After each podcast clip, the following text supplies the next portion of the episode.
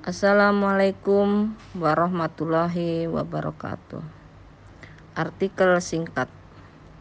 Penista agama berulang, peran negara hilang.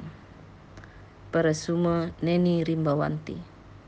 Seakan mati satu tumbuh seribu, para penista Islam tak ada habisnya.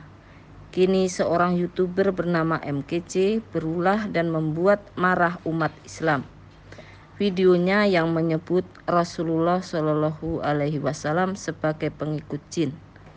Tak hanya itu, ia juga berani menghina dan merendahkan Al-Quran.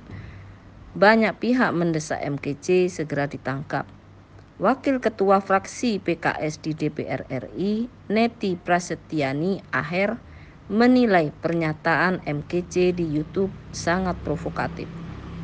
Saat ini, Polri sedang mengumpulkan bukti-bukti video atas dugaan penistaan agama yang dilakukan MKC. Pakar hukum pidana Suparji Ahmad mengatakan, ucapan youtuber MKC yang menyinggung Nabi Muhammad Shallallahu Alaihi Wasallam menjurus pada penistaan agama.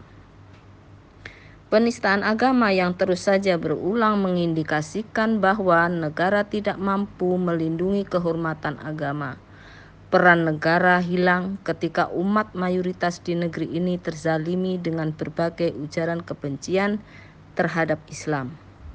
Sebelumnya, kasus-kasus penita kasus-kasus penistaan terhadap Islam hanya berakhir dengan permintaan maaf.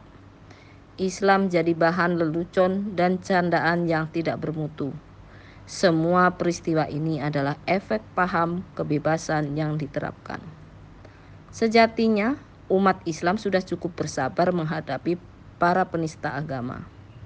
Namun kesabaran itu seakan dijadikan tameng oleh mereka yang bebas mengobok-obok Islam dan merendahkannya. Tak ada ketegasan dari negara ketika umat mayoritas di negeri ini disakiti. Misalnya kasus dugaan penistaan agama yang dilakukan Joseph Paul Zhang yang masih menggantung hingga saat ini.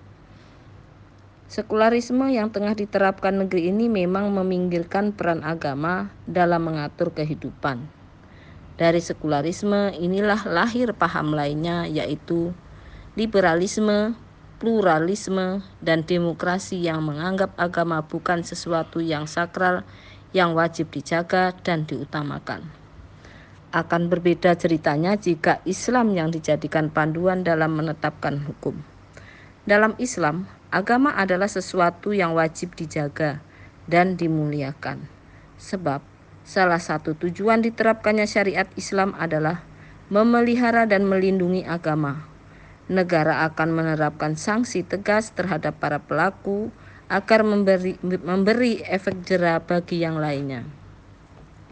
Hanya dengan tegaknya syariat Islam secara kafah, agama ini terlindungi. Maka dari itu, seruan penegakan syariat Islam harus terus disuarakan agar umat memahami bahwa satu-satunya pilihan hidup terbaik saat ini dan seterusnya adalah diterapkannya syariat Islam di segala aspek kehidupan. Wallahu alam bisawab.